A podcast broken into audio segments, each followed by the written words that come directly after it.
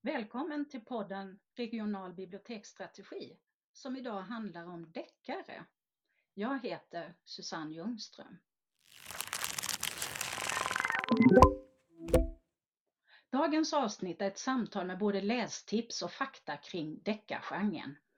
Vi spelar in digitalt framför våra skärmar och vi har Jenny vid teknikspakarna. Det här ska bli så otroligt spännande. Idag ska vi alltså ge lästips på temat deckare och så samtidigt få lite fördjupad kunskap om genren. Och vilka är vi då? Jo, det är Johan Sundlöv, Jenny Lindmark Svedgård, Helena Björnvall Åström, Christer Ederholt, Rebecka Eriksson, men bäst av allt är vår gäst Katarina Gregersdotter. Hon är bland annat ledamot av Svenska Deckarakademin. Hej på er alla och välkomna! Hej hej! Hej hej! Hej, Hallå. hej, hej. Jag börjar med att fråga vår gäst Katarina. Finns det någon definition på genren deckare? Ehm, ja, man kan väl kort säga att det måste handla om ett brott på något vis. Ehm, brottet kanske inte måste lösas, men ett brott är väl grundförutsättningen för, för en deckare. Sen finns det ju så många subkategorier så men brott ska finnas. Måste finnas. Det är en bra utgångspunkt. Måste finnas ett brott. Katarina, kan inte du berätta varför norrmännen har sitt påskekrim? Det har ju inte vi, eller har vi det i Sverige på samma sätt? Vi har det inte på samma sätt, men vi har väl börjat härmas lite grann tror jag. Eh, det var nog väldigt länge sedan norrmännen började med det. Jag tror att det är början av 1900-talet någon gång. Eh, och jag kommer inte exakt ihåg eh, eh, händelsen. Men det var att en falsk eh, en nyhet, de trodde att det var en riktig nyhet, alltså att det var ett, ett brott som hade skett och alla blev eh, uppskrämda på något sätt. Eh, och det var, jag tror att påskekrim användes då. Och sen är det så att eh, norrmännen älskar att åka till sina stugor eh, på jul och påsk och sådär. Och då åker de skidor och så sen läser de jättemycket eh, när de vilar, kan man säga. Det är det som har blivit påskekrim och i Norge släpper man också, det är många författare som släpper sina deckare under påsken därför att de vet att de säljer bra då. Och vi i Sverige, vi vill ju inte vara sämre än norrmännen. Det vet vi ju. Så ja, jag, jag har hört det användas här också. Nu är det påsk, nu är det dags. Och det har väl också att göra med godis tror jag. Alltså, det ska vara lite mysigt. Och att man är ledig. Det är ett bra begrepp. Vi tar det till oss. Inför... Ja, jag tycker det är ett bra begrepp också. Du Christer, jag vet att du känner Katarina eller ni känner varandra. Vad, vad, skulle du allra helst vilja fråga Katarina om? Ja, jag tycker det är så jättespännande att du är med i Deckarakademin. Hur kom du med i den? Um, jag blev föreslagen av en annan ledamot. Um, och de, alltså det är 21 ledamöter i Deckarakademin och det är hälften författare och det är hälften kritiker eller andra kunniga liksom inom, inom genren. Är det författare vi känner till eller är det? Ja, det är svenska författare. Eh, till exempel eh, eh Kristina Valdén, eh, Arne Dahl.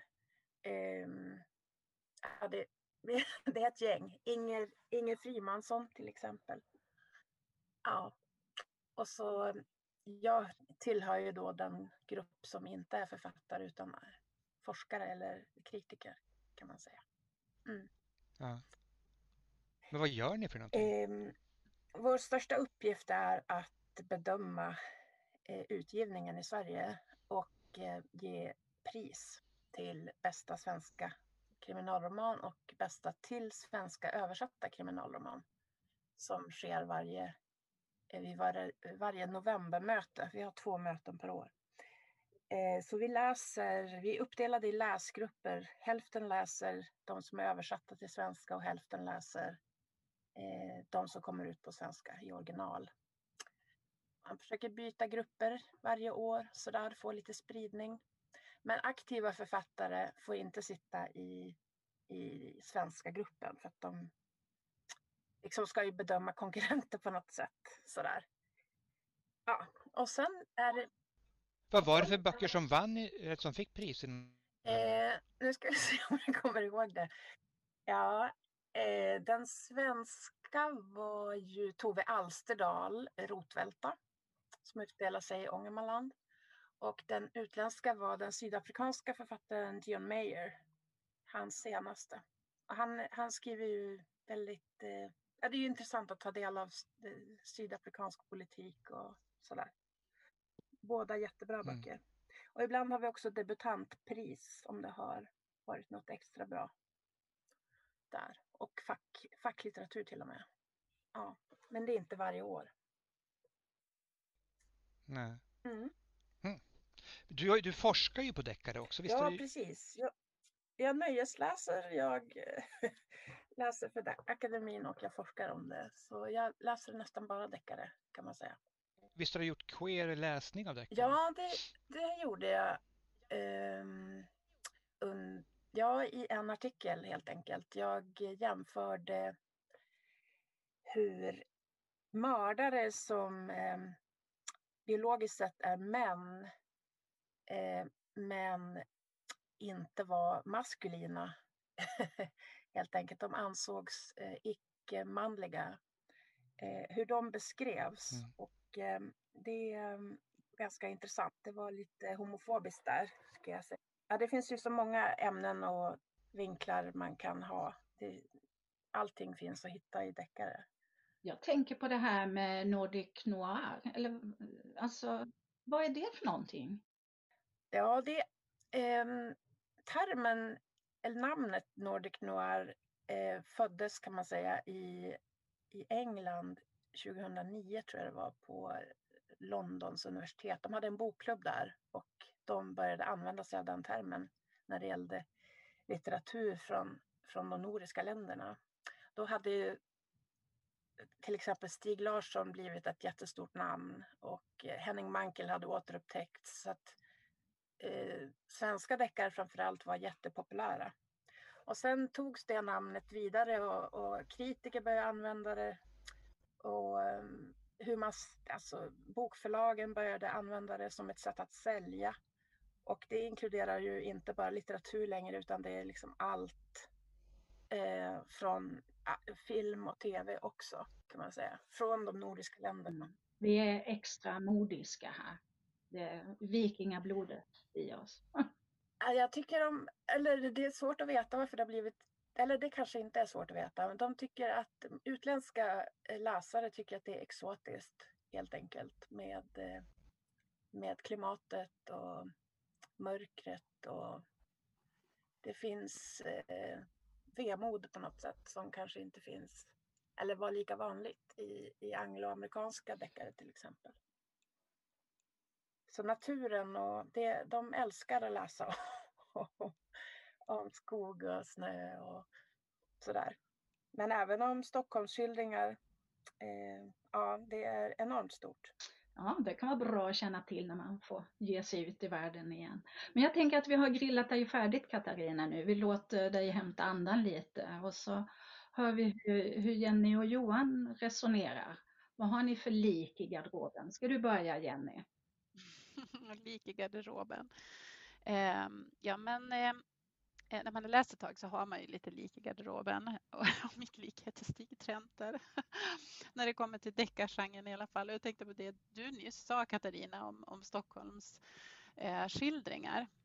Och där har vi ju verkligen en tung Stockholms eh, eh, estradör i hans huvudperson. Men det var nämligen så här att när jag i de eh, unga tonåren befann mig i, i fjällen. Jag var i, i fjällen mycket. Eh, mina morföräldrar hade en stuga i Gauto eh, och där, där blev Stig Trenter då in, min inkörsport kan man säga till lite tyngre deckarläsning i alla fall. Så jag hade tidigare läst men Agatha Christie, det kan man ju läsa ganska tidigt och naturligtvis att jag läste Doyle, eh, Enid Blyton för barn, Caroline Keene, ni vet alla, eh, Kitty Deckare och så vidare. Men, men Stig Trente var eh, min första riktiga vuxna deckarläsning och eh, i den här stugan så fanns det eh, en hel del eh, Trenter deckare.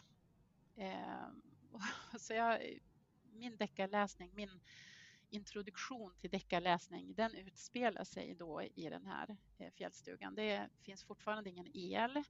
Eh, alla vill ju läsa, ingenting går att ladda utan alla vill, vill läsa och så får man då hitta på eh, ställen där man kan sitta och vi har suttit med fotogenlampor, ljus och så vidare. Och, eh, det är nästan omöjligt för vuxna ögon att läsa. Men som sagt, jag var typ kanske 13-14 år så jag, jag, läste massor även på kvällen och på natten.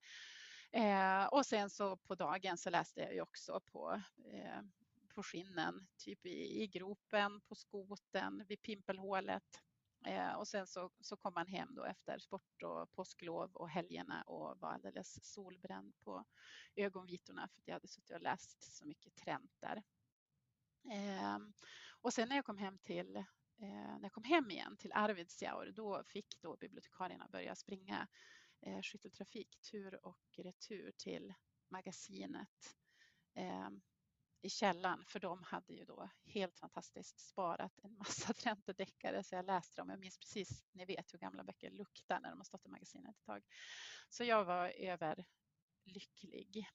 Eh, sen har jag ju förstås, förstås läst fler eh, deckare jättemycket, Elizabeth George och eh, ja, men jag har läst mycket Mankel och så vidare. Men ju mer jag har läst så har jag också eh, eh jag har också eh, hamnat i någon slags, eh, eh, nu, nu, är det, nu är det bra, nu är det tillräckligt. Jag har läst eh, lite för många deckarthrillers som har varit mer eh, alltså bildligt beskrivna och jag har nästan mått, mått illa när jag har läst dem. Alltså det blir så explicita bilder i de här deckarna så att jag, jag har faktiskt lämnat dem ganska mycket därhän de senaste 10 eh, 15 åren kan man nog säga.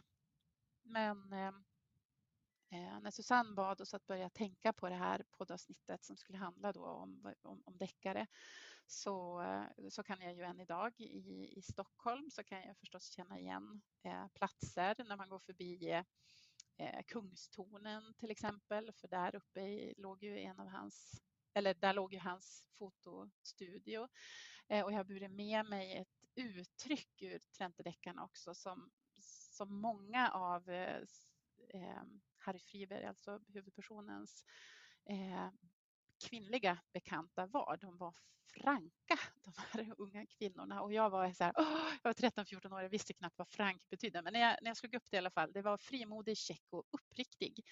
Typiskt 40-talsord kanske att, att en, kvinna, en ung kvinna, kvinna är frank. Eh, och sen så var jag ju också eh, eh ganska drabbad när jag anlitade Stig Trenters dotter Ulla, nej förlåt, inte hans fru, hans dotter Laura till eh, den arbetsplats jag jobbade på och hon fick träffa alla våra femteklassare. Eh, jag vågade knappt prata med henne inledningsvis när hon kom, men hon var ju jätteduktig och ärkeproffs och så vidare. Hon ville bara dricka kaffe, hon ville inte äta någonting. Det var också lite, eh, lite udda. Eh, men den Trenter-deckare som jag minns allra bäst. Eh, och då kan, jag, då kan jag egentligen inte garantera att den är bäst, men jag, men jag minns den bäst. Och det var inte den jag läste först heller. Men det visade sig att det var den första som handlade faktiskt om, om Harry Friberg och det är Farlig fåfänga. Och när jag bläddrade igenom den för några år sedan, eller kanske tio år sedan i alla fall, så, så slogs jag av hur otroligt unga huvudpersonerna är. Eh, Harry Friberg till exempel, han är 27 år. Eh, och just i den boken så är den som blir mördad. Det jag tror att han är konsthandlare eller någonting. Han, eh, han är 25 och han, han blir alltså mördad. Han är konsthandlare. Han jobbar på raskt och bra där. Han har dessutom en åldrig mor och jag jag drabbas lite grann av om, om en mördad är 25, hur himla åldrig så kan en mor vara då? Kanske inte mer än 65 i alla fall. Och dessutom så minns jag ju också att alla bar hatt. Eh, jag lyssnade på en, en annan podd för några veckor sedan och då handlade det just om om hattar faktiskt. Eh, och för mig så var ju Friberg, han var ju definitivt en gubbe när jag började läsa eh, när jag började läsa eh, Trente-deckare. Men han satte för mig en standard för, för lite grann en motvillig deckartyp. Absolut ingen antihjälte eller någon eh, eh, söndersupen operafantast som är sjukskriven från sitt typ eh, polisjobb. Inget sånt, men, men det var, han hamnade liksom i, i det som han alltid lyckades med. Men han var ju eh, lång och smal, gick på Sturebadet, rökte cigarr, hade en tjusig bil och så vidare. Och så snubblade han då över en massa eh, brott lite oförhappandes. Och dessutom så, så började han ju också eh, umgås med de här poliserna arter och, och Vesper och eh, vad de heter, eller kommissarier kanske de hette på 40-talet. Eh, inte så mycket minns jag av att han faktiskt var en väldigt duktig fotograf och att han var anlitad i, i hela världen. Eh, ja, inte så mycket resonemang om konsten som sån, men jag har läst om några som, som vuxna, eller som vuxen som sagt, och de, eh, de tar mig verkligen tillbaka till, till den här fjällstugan. De är därför en slags madeleinekakor inom deckargenren. Um, ja, och jag tänker då att eh, Johan, jag vet att du också tänker prata lite grann om hattar i deckarthrillers, eller? Det stämmer bra. Eh, jag kommer in på det om en liten stund. Det jag tänker på först och främst det var någonting du sa om med doften. För det är ju, för mig är verkligen överhuvudtaget alltså läsning och dofter är väldigt tätt förknippat med varandra. Eh, och just min, min relation till deckare går så långt tillbaka som när jag som barn knäckte läskoden och, och egentligen det var det började sluka eh, Enid Blyton och ja, men Ture Sventon kanske lite innan dess också. Får väl klassas som deckare också. Eh, men sedermera också Agatha Christie i den, i den vevan. Jag minns min, min lärare då, hon blev så glad för att jag läste så mycket och för att jag just läste Agatha Christie som kastade de här böckerna på mig. Eh, jag inte kastade dem på mig, men kastade dem till mig i takt med att jag slukade dem. Och jag minns att de hade den här doften som också var, mycket av de här böckerna, Enid Blyton också kom från antingen farmor och farfar eller morfar och mormor eller något biblioteksmagasin. Och dofterna eh, som du är inne på också Jenny är ju väldigt... Eh, man, man känner igen det när man läser en sån där gammal bok. Och ibland så slinker det in en farmor, farfar, morfar, mormor doft i det, i det också. Um, jag läste väl kanske inte alla Agatha Christie men bra nära. Uh, och jag tror kanske att jag brände min deckarstubin i den vevan också. Jag som uh, inte läst så mycket efter det. uh, och kan känna att jag har svårt för svenska deckare också. Men det Uh, förutom kanske Millennium-serien och några i den, i den i liknande i den, i den, eh, i den stilen. Men jag har också funderat mycket på det där och det, jag landar ofta att det är, har någon slags, det är någon slags lex Midsummer-känsla som gör, som gör det. Och det är den där att en deckare ändå ska vara, eh, i alla fall för mig, ska vara en, en, någon slags trovärdighet och eh, att det då sker så många mord som det då gör i, i Midsummer. Det, det är som alltid skavt lite grann. Um, men däremot då deckare som, som vi var inne på tidigare kring definitionen här så om det ska innehålla mord då, då kan man ju komma åt ganska mycket. Eh, och för mig då är det ju kanske mer thriller som funkar bäst och särskilt riktigt mörka sådana och gärna i sån white trash miljö eh, Eh, Gillian Flynn eller Dennis Lehane har gjort några riktigt fantastiska sådana mörka djupdyk. Ehm, men sen tycker jag också väldigt mycket om att faktiskt lösa mysterier åt deckarhållet när det kommer till spel och då framförallt analoga spel där man sitter kring ett bord och löser mysterier. Eh, det finns, har kommit några fantastiska de senaste åren. Eh, Chronicles of Crime bland annat som är ett sånt där uppslukande immersivt spel där man verkligen får Eh, känna på hur det är att vara en deckare på riktigt. Ehm, men sen såklart har, har, att ha barn är också en, en, ett bra sätt att ta, ta del av det här och då framförallt för små barn så eh, har jag läst en, eh, en riktigt fin thrillerserie eh, som anknyter till det som Jenny sa här om, om hattar. Eh, thrillerserien av Jon Klassen som är, är en hatt-trilogi.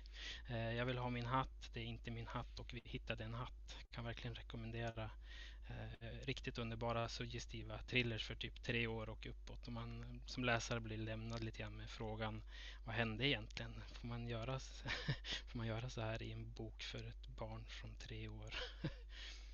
eh, lite grann så.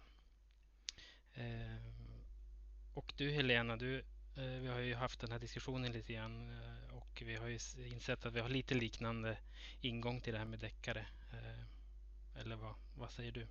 Ja, ja men det kan man absolut säga och jag känner igen mig jättemycket i både vad du Jenny eh, berättar från din barndom och, och, även då ditt förhållande nu idag Johan. Jag, när jag går tillbaka i, i barndom så tänker jag ju också att jag läste mycket Femböckerna och Kitty och även någon serie som hette Ponnyklubbens mysterier, eller Ponnyklubben och något. Det var som bilderböcker med hästar och det var jätteläskiga saker. Det älskade jag. Eh, men nu idag så är det väldigt säsongsbetonat för mig med deckare. Jag tror inte att det här är unikt på något vis. Jag har hört andra som säger det här att det är gärna på sommaren och på semestern och helst på stranden på en filt så kan jag läsa eh, riktigt läskiga deckare. Fast, eller det beror på det beror på vilken skala man har med läskighet. För att jag gillar såna här små puttriga deckare av gärna Ellie Griffith eller Louise Penny. Alltså inte, det är inte så realistiskt alls utan det är ju lite morden i Midsummer-känsla över dem, absolut. Eh, gärna inte heller i Sverige så att jag, miljön är alltför eh, nära utan det, det ska vara lite så här halvorealistiskt och det ska helst inte förekomma att barn far illa, det tycker jag är väldigt obehagligt. Och det här hänger nog ihop med att jag inte gillar att bli så, så skrämd eller illa berörd. Jag tycker väldigt mycket i verkligheten är, är väldigt eländigt i alla fall. Och det, jag tror att det, det, hänger ihop med det. Så jag är nog inte så hemskt förtjust i den här Nordic noir-genren överlag. Eh, men som sagt så läste jag mycket mer deckare när jag var yngre, både som barn och ungdom. Och jag har också plöjt Trenter och Maria Lang älskade jag också, det var superspännande. Eh, men lite daterat sådär, så då, då, då utspelades ju även de då i en annan tid än min egen. Det tror jag kändes tryggt. Och så var det med Agatha Christie också förstås. Eh, sen hade jag dock en period där på 90-talet då jag läste nog alla Henning Mankels deckare som kom då, Åke Edvardsson. Och det var ganska eh, blodiga och råa böcker som jag minns det i alla fall. Så där hade jag, det var ett litet avsteg då från, från det jag först nu sa. Eh, sen hade jag ett långvarigt förhållande till Elizabeth George. Jag tror jag läst nästan alla hennes tjocka deckare. Eh, utom de allra sista, där jag tappar, har tappat intresset lite grann tror jag. Eh, när jag försöker liksom analysera vad det är som jag dras till deckare så handlar det nästan alltid om att det är relationerna mellan karaktärerna i böckerna som fångar mig. Eh, är de platta eller är relationen ointressant då, då faller mitt intresse ganska snabbt. Det är oftast inte själva plotten eller mysteriet som, som drar mig in i deckare tror jag. Eh, utom när det gäller just de här exemplen som du Johan hade, till exempel i, i Gone Girl, när man nästan bara tappar andan när det kommer vändningen där och, och kvinnan i fönstret också. När det händer sådana helt oväntade saker som man verkligen inte har räknat med. Det är på ett annat sätt än man har föreställt sig. Då tycker jag att det blir väldigt spännande. Så när jag, när jag skulle skriva det här, för först sa jag när jag blev tillfrågad att vara med i programmet att men jag läser inte deckare. Men det insåg jag, det är verkligen inte alls sant. Och jag har funderat på vad, vad vad står det för att jag hävdar att jag inte läser deckare? För det gör jag ju uppenbarligen. Um, så det här tål att eh, synas i sömmarna lite grann vad det står för. Men jag tycker att det, det var jätteintressant att, att vara med nu och höra er andra också. Så jag ska nog, jag ska nog ta mig en, eh, den här rotvälta som du nämnde Katarina, den skrev jag upp här. Den, den ska jag nog satsa på att uh, sätta tänderna i. Mm, härligt. Ja, det, är, det är ju suveränt Helena och, och vi alltså innan det här programmet är slut är alla deckarentusiaster. ja, kanske det. Ja, jag hör, jag hör ju vad ni säger. Men Christer, visst, visst var du frälst redan ifrån början? Du har alltid gillat deckare? Nej, absolut inte. Jag läste, jag som barn och som tonåring så läste jag, så läste jag inte deckare utan jag läste realistiska böcker skrivna av Kerstin Thorvall och Sven Wernström och sådana som fanns. Ungdomsböcker. Jag läste aldrig de här Wahlströms pojk och flickböcker där väl de fanns vid fem och sådana böcker. Kitty och sånt läste jag inte. Så det var, jag var först när jag var i 20-årsåldern en kompis till mig introducerade Agatha Christie. Och, så. och det är det jag har tänkt på med mina böcker som jag när jag, när jag valde ut liksom vilka böcker som jag kommer ihåg av de deckare jag har läst så då, då är det mycket så här att de jag kommer ihåg det är också de som jag då har fortsatt och läst allting av den författaren nästan. Så med Agatha Christie då börjar jag med, med det, den här boken och så var de bara en. Och sen har den har jag lyssnat på sen och sen har jag läst den på engelska. Så tycker jag Agatha Christie funkar väldigt bra att läsa på engelska. För det är ganska lätt engelska. Och jag, jag kan vara lite trög annars och, läsa på, på engelska.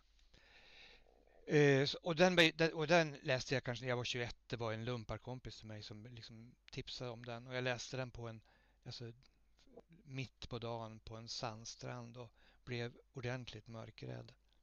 För den, den har ju liksom en väldigt otäck känsla i sig. Och sen har jag läst som till exempel, jag, jag kommer på att med deckare gillar jag när det är det, är under, det kanske är ett väldigt billigt knep, det vet ju du Katarina i så fall. Att, jo, för Läckberg har ju det också där att ha en, det har hänt någonting historiskt som kommer fram. Och så mm. är det samtidigt någonting, ett brott i nutid och så är det som någon, en koppling mellan det där och så kommer det upp det här eh, Eh, det historiska och det tycker jag är jättespännande när man liksom drar de kopplingarna emellan. Och så är det ju till exempel händelser vid, vid vatten av Kerstin Ekman. Och där finns det ju lite sekt med också. Jag älskar ju sekter. Det är, det är väl egentligen ett kollektiv som är sektaktigt men det, det är väldigt sådär mysigt sektigt. Och sen Arnaldur Indridason. Hur man, jag har ju alltid svårt att säga hans namn. Kvinna i grönt och Mannen i sjön är ju verkligen så här med det har hänt någonting på, under andra världskriget som, som kommer upp. Och, och det, det gamla brottet blir som löst samtidigt som det nya brottet. Och jag tycker sånt är jättespännande. Johan Theorins Skumtimmen, en sån som utspelas på Öland. Också en, en, en gammal sådär. Och en deckare som jag läste som är den mest sorgliga deckare som finns som man kan liksom grina ögonen ur sig ur. Det är ju Älskade Pona av Karin Fossum. Sen fortsätter jag också och läste hennes andra andra eh, deckare som Evas öga och sådär. Men Älskade Pona är ju en sån här riktigt som är någonting eh, den känns ganska annorlunda för att vara en deckare. Den är så otroligt sorglig. Tyck, tyck, tyckte jag. Då. Och så Håkan Nesser, men, Människa utan hund. Där var det också mycket det här att det är familjehemligheter och konflikter som liksom kommer upp till, till ytan. Och det finns när Sånt gillar jag ju när liksom dysfunktionella familjer som inte och det finns familjehemligheter och konflikter som då gör någonting så att det blir ett brott. Och jag också kom på, du sa att relationerna var viktiga Helene. Jag är mycket så här för att jag tycker att gestalterna är jätteviktiga. Alltså det måste vara personer som, man, som, är, eh, som är intressanta, som är spännande, som är, jag vet, jag behöver inte tycka, man behöver inte tycka om dem men men ju konstigare gestalter som det är i en deckare desto roligare är det tycker jag. Ofta är det ju det, tycker jag, brittiska deckare som Minette Walters Skulptrisen som jag först såg som tv-serie och sen då läste för jag tyckte det var så liksom sån, en sån spännande person den handlade om. Och det, som just brittiska deckare då blir, det blir om man tar läsningen lite bredare än bara böcker så finns det ju väldigt många bra tv-serier. Särskilt då tycker jag brittiska tv-serier. Och det är väl ungefär det som jag har med. Man läser ju mycket annat också. Och som sa du nu också Katarina, för henne hade inte jag tagit med Inger Frimansson. Ja. För jag trodde att inte hon riktigt var en deckare utan att det var mer thriller. Så jag, jag vet inte. Men henne älskar jag ju, hennes böcker som Råttfångerskan och Ligga som ett o. Jo, men... En yxa åt Alice. Ja, och sen måste vi ju räkna alla subgenrer till deckare tycker jag. Alltså, ja. det, Johan Theorin som du nämnde är ju det är nästan gotiskt, alltså det är lite övernaturligt ibland och sådär. Mm. Eh, och sen finns det hårdkokta och det finns eh, det finns otroligt många historiska också och, och sådana som är delvis historiska som du sa. Jag kom bara mm. att tänka på en sak att det där du sa om att gå tillbaka i historien. Det är som en trend just nu. Eh, eller det är ett väldigt vanligt tema att, att huvudpersonerna i deckare åker tillbaka till sin, där de växte upp. Ja. Till exempel för att eh, ja, men ta, ta, ta itu med ett dödsbo eller så mm. upptäcks det någonting som är en familjehemlighet som jag också älskar. Mm. Eh, kopplas till nutida brott. Det är jätte... Det är som en nostalgi i det också. Ja. Ett, ett förlorat Sverige på något sätt. Som är också vanligt i svenska deckare framförallt. Mm. Jag tänker så här att vi kan väl höra med Rebecka om du är en hårdkokt tjej. ja, alltså jag, jag känner ju att jag, jag måste... För det första vill jag säga att jag har ju också då varit väldigt mycket Ture Sventon som barn. Kanske den första deckarupplevelsen, det har jag pratat om tidigare i den här podden. Ska inte lovprisa honom mer. Eh, men sen såklart också Agatha Christie och även Arthur Conan Doyle. Eh, jag känner också att jag måste fastna lite i den här, jag måste stanna lite i den här känslan av att jag skäms lite grann över och det här är ju då en replik också till Christer som pratar om Nesser. Alltså jag, Nesser är, Håkan Nesser är en sån här författare som jag måste läsa på sommaren. Alltså det är det enda konstanta böckerna som jag läser på året där jag vet så här, okej okay, på sommaren kommer jag läsa ett par Nesser. och, det, och det är någonting i den där känslan av att det är, det är inte liksom kreddig litteratur. Och jag försökte som gräva lite i det. Varför tycker jag det? Eller varför skäms jag liksom lite för det? Varför känns det så himla okreddigt? Varför känns det som att jag inte, inte liksom är lika duktig som alla andra? Och då läste då hittade jag faktiskt en, en, en, en eh, artikel på Sveriges Radio, någon som har gjort en, en recension av hans böcker, där de skriver eh, jag kan inte låta bli att undra över hur uddlös en sån här typ av deckare blir. Samtiden i världen och Sverige finns knappt. Denna världsfrånvändhet blir en tillgång. Här blir allt bara konstigt och märkligt gammalmodigt. Den här bilden av ond, bråd död och trivsel, det blir lite av en Miss Marple i ny skepnad. En välskriven och hjärtinnerlig mysrysare för en välbeställd medelålders medelklass som gjord för att läsas i den sänkta fastighetsskattens självbelåtna hammock. det kanske finns någonting i det här. Eh, precis också det som, som Johan pratar om med det här Midsummer Murders eh, syndromet, att det är så tydligt. Det är någon som har skapat en värld som är trygg för en viss typ av läsare, tänker jag. Midsummer Murders är ju extremt som så eftersom det finns ju faktiskt ingen, vi, eh, ingen person som inte är vit i den serien. eh, och den har fått mycket kritik, kritik för det och det är också därför den är den är trygg och förutsägbar för en viss typ av läsare och det är ett viss typ av en viss typ av miljö, en viss typ av historia Eh, som egentligen inte finns men som man gärna reproducerar och tar tillbaka Eh, och det kan finnas någonting i det att det finns liksom, eh, det finns inte så mycket att jag själv som läsare reflekterar över mig själv när jag läser de här böckerna, utan bara en, en räkmacka. Det är bara någonting som är enkelt och som är eh, inte så mycket konflikt för mig som, som konsumerar den här litteraturen. men jag kände ändå att jag måste äga, den här, jag måste äga de här böckerna som jag läser då varje sommar. Eh, för jag ändå tycka att det finns något i dem. Det, är, det finns ofta en, en oförutsägbarhet i det att man, man kan vara både ond och god på samma gång. Eh, man vet sällan vem det är som är ond eller god i de här böckerna. Om man då inte läser de här, de här böckerna som man har skrivit som är rena, liksom handlar om en specifik, specifik detektiv. Han har ju åtminstone två sådana detektiver som är återkommande. Eh, och jag tror också lite inne på det här som Helena pratar om, att det får inte vara för nära, nära skinnet liksom. Det måste finnas en distans, något som är lite eh, fiktion. Eh, som gör att jag kan läsa det, annars blir det liksom för nära. Eh, ja men alltså jag, jag vet inte, det var här jag landade någonstans i att jag, jag gillar de här böckerna. Eh, och jag skäms för att jag gillar dem väldigt mycket. Men, och jag undrar varför.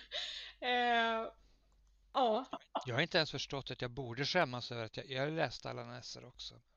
Men, men jag har aldrig skämts. Jag tror att kan det vara att det är liksom man går in på, om man går in på Röda Korset eller, eller Myrorna, då står det liksom, då kan man hitta 50 stycken av honom.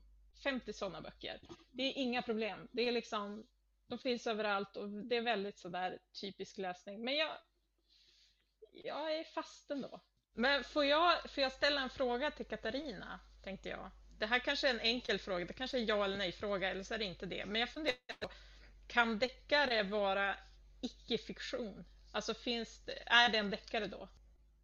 Eller måste en deckare vara fiktion för att det ska vara en deckare? Nej, eh, det, eh, du vet, det finns ju eh, ganska många som, du vet precis som filmer, de kommer med en liten, ett litet förord baserat på verkliga händelser. Ja. Sådär. Ehm, och det finns ehm, väldigt många författare som lägger ner oerhörda mängd tid, oerhörd tid på forskning ja. om ett visst ämne, till exempel hemlöshet eh, som nämndes. Eh, så att eh, jag tror att deckaren, förutom Midsummer som har nämnts, sådär, de, det finns mm. en längtan efter att vara realistisk. Att det finns en, en, en förhoppning om att kunna visa hur samhället ser ut lite grann. Eh, och sen har vi ju den här genren true crime som eh, som är var, varken eller. Alltså det, det, är fakta och det är fiktion samtidigt eh, på något sätt som är intressant att diskutera kanske en annan gång. men det är väl viktigt det där med, med trygghet men samtidigt känner jag också att det är det var den fascinationen av eh, en av mina första deckare, det var Enkelstöten av eh, Thomas Arvidsson. Och där är det en studierektor som är en av bovarna eller hjälten då.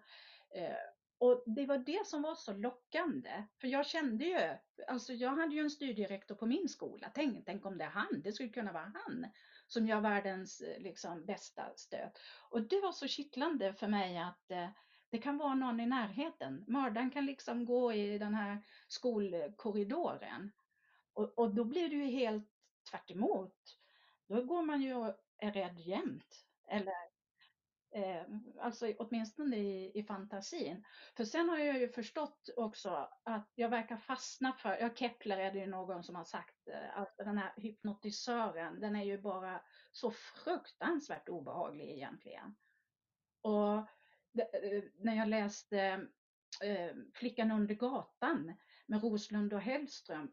Alltså det var ju en helt ny värld, jag höll på att säga tack och lov, som öppnas för mig. Alltså den underground världen. Ingen, jag visste ju inte ens att den fanns. Och då känner jag det nu när jag är i Stockholm, alltså det bor människor under marken. Men Katarina, vad, vad läser du just nu? Eller tipsa om något? Ehm, just nu läser jag ju allt som skickas från alla förlag så det är väldigt men jag kan ge en tips om några favoriter. Ehm, just nu och det är en australiensisk författare som heter Jane Harper. Hon har eh, tre böcker på svenska nu. Och de utspelar sig inte i Sydney eller Melbourne eller någonting utan det är ute i, i vildmarken, eller vad man ska säga. Det är små, små eh, byar, samhällen. Hettan är olidlig. Eh, det är liksom nästan kammarspel för att de är så, lever i sån isolation. Kanske på en fårfarm eller... Och fantastiskt språk, eh, otroligt intressanta och komplexa personer. Eh, det tipsar jag om, verkligen. Och sen eh, Thomas Mullen som är en amerikansk författare. Eh, två stycken finns på svenska och eh, ska vi se vad den heter. Den heter Darktown. Den vann bästa översatta, till, översatta priset eh, i Deckarakademin förra året eller för förra året. De utspelar sig i Atlanta i Georgia på slutet av 40-talet och början av 50-talet. Eh, Darktown är alltså området i Georgia där det bara bor afroamerikaner. Och det handlar alltså om svarta poliser, de första svarta poliserna i USA. Eh, som egentligen inte har, de får inte åka bil, de får inte bära vapen, de får patrullera i Darktown endast och inte ha med den vita befolkningen att göra. Otroligt eh, välskriven och det känns som en, en bit historia som man inte vet så mycket om. Och sen en svensk författare som heter Maria Adolfsson som har hittat på ett land, precis som Nesser gjorde i början av sin karriär. Eh, det här är en ö som heter Doggerland som ligger i Nordsjön, eh, mellan Skandinavien och Storbritannien. Eh, och böckerna har till och med karta över ön och hur, vart, vart städen, eller städer, det är ju väldigt få som bor där, där samhällena ligger och också eh, det känns som ett, en riktig plats. Hon har verkligen lagt krut på att göra Doggerland till ett, en riktig nation. Och man ser ju såklart, man ser eh, de skandinaviska influenserna och de engelska. Jättebra är de. Hon kommer ut med sin fjärde nu i vår. Och det är en del av en serie, så det är samma polis och sådär. Jane Harper skriver om nya människor varje, varje bok. Det är några tips. men en fråga till oss alla. Vad, vad, hur avnjuter man bäst sin påskdeckare? Helena?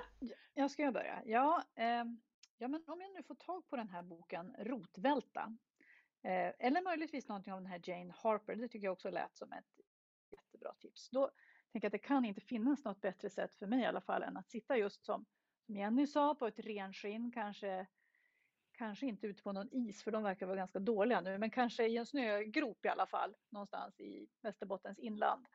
Eh, med ett öppnat påskägg där det då finns små marsipanharar och punschpraliner. Och de smaskar jag på då medan jag läser Rotvälta. Ja, det är mitt tips. Och Johan då? Jag vill återknyta till det jag sa. Jag, jag eh, till skillnad från eh, några så tycker jag ju tjusningen med den här genren är just att bli rädd, så gärna så rädd som möjligt. Eh, så jag hittar väl någon mörk källare någonstans och kanske spelar något av de här deckarspelen så jag får bli riktigt eh, skraj. Skippar solen också helt och hållet. Rebecka? Nej, men jag, jag blev också lite nyfiken på alla de här tipsen jag fick nu. Um, och tänker väl också att jag skulle vilja vara ute i solen och läsa lite. Jenny? Eh, ja, jag tänker avnjuta min påskdeckare i poddformat och jag tänker lyssna klart på Eldfesten som en eh, eh, mysryslig mångbottnad historia. Jag vet inte om det är en, en ren och skär deckare men i poddformat. Christer? Ja, jag, alltså, skulle, jag skulle kunna sitta i soffan och läsa en bok och äta godis. Det, det är ju rätt mysigt. Men jag lyssnar ju också mest på böcker. Eller jag lyssnar mest på böcker. Jag tycker om att stå och hacka grönsaker och lyssna på en deckare. Nu lyssnar jag på Bakom hennes ögon av Sarah Pinborough. Som, är, som ju också går på tv samtidigt. det, det är nog liksom då jag trivs som bäst. Och Katarina, du som är proffset här då? Ja, eh, om jag får välja fritt så väljer jag eh, sängen eller soffan liggandes inomhus. Och gärna en katt på magen. Godis går alltid ner också. Jag tror det blir trångt i soffan för jag vill också vara, vara där med en, en godisskål. Mm. Men gott folk, vi verkar ju ganska rustade för en spännande, kittlande och äggande påskledighet. Vi har fått många boktips och även lite tankar och reflektioner kring deckare, thrillers och mord. Så vi hälsar väl glad påsk till alla våra lyssnare. Ja, glad Glad påsk! påsk! Glad påsk!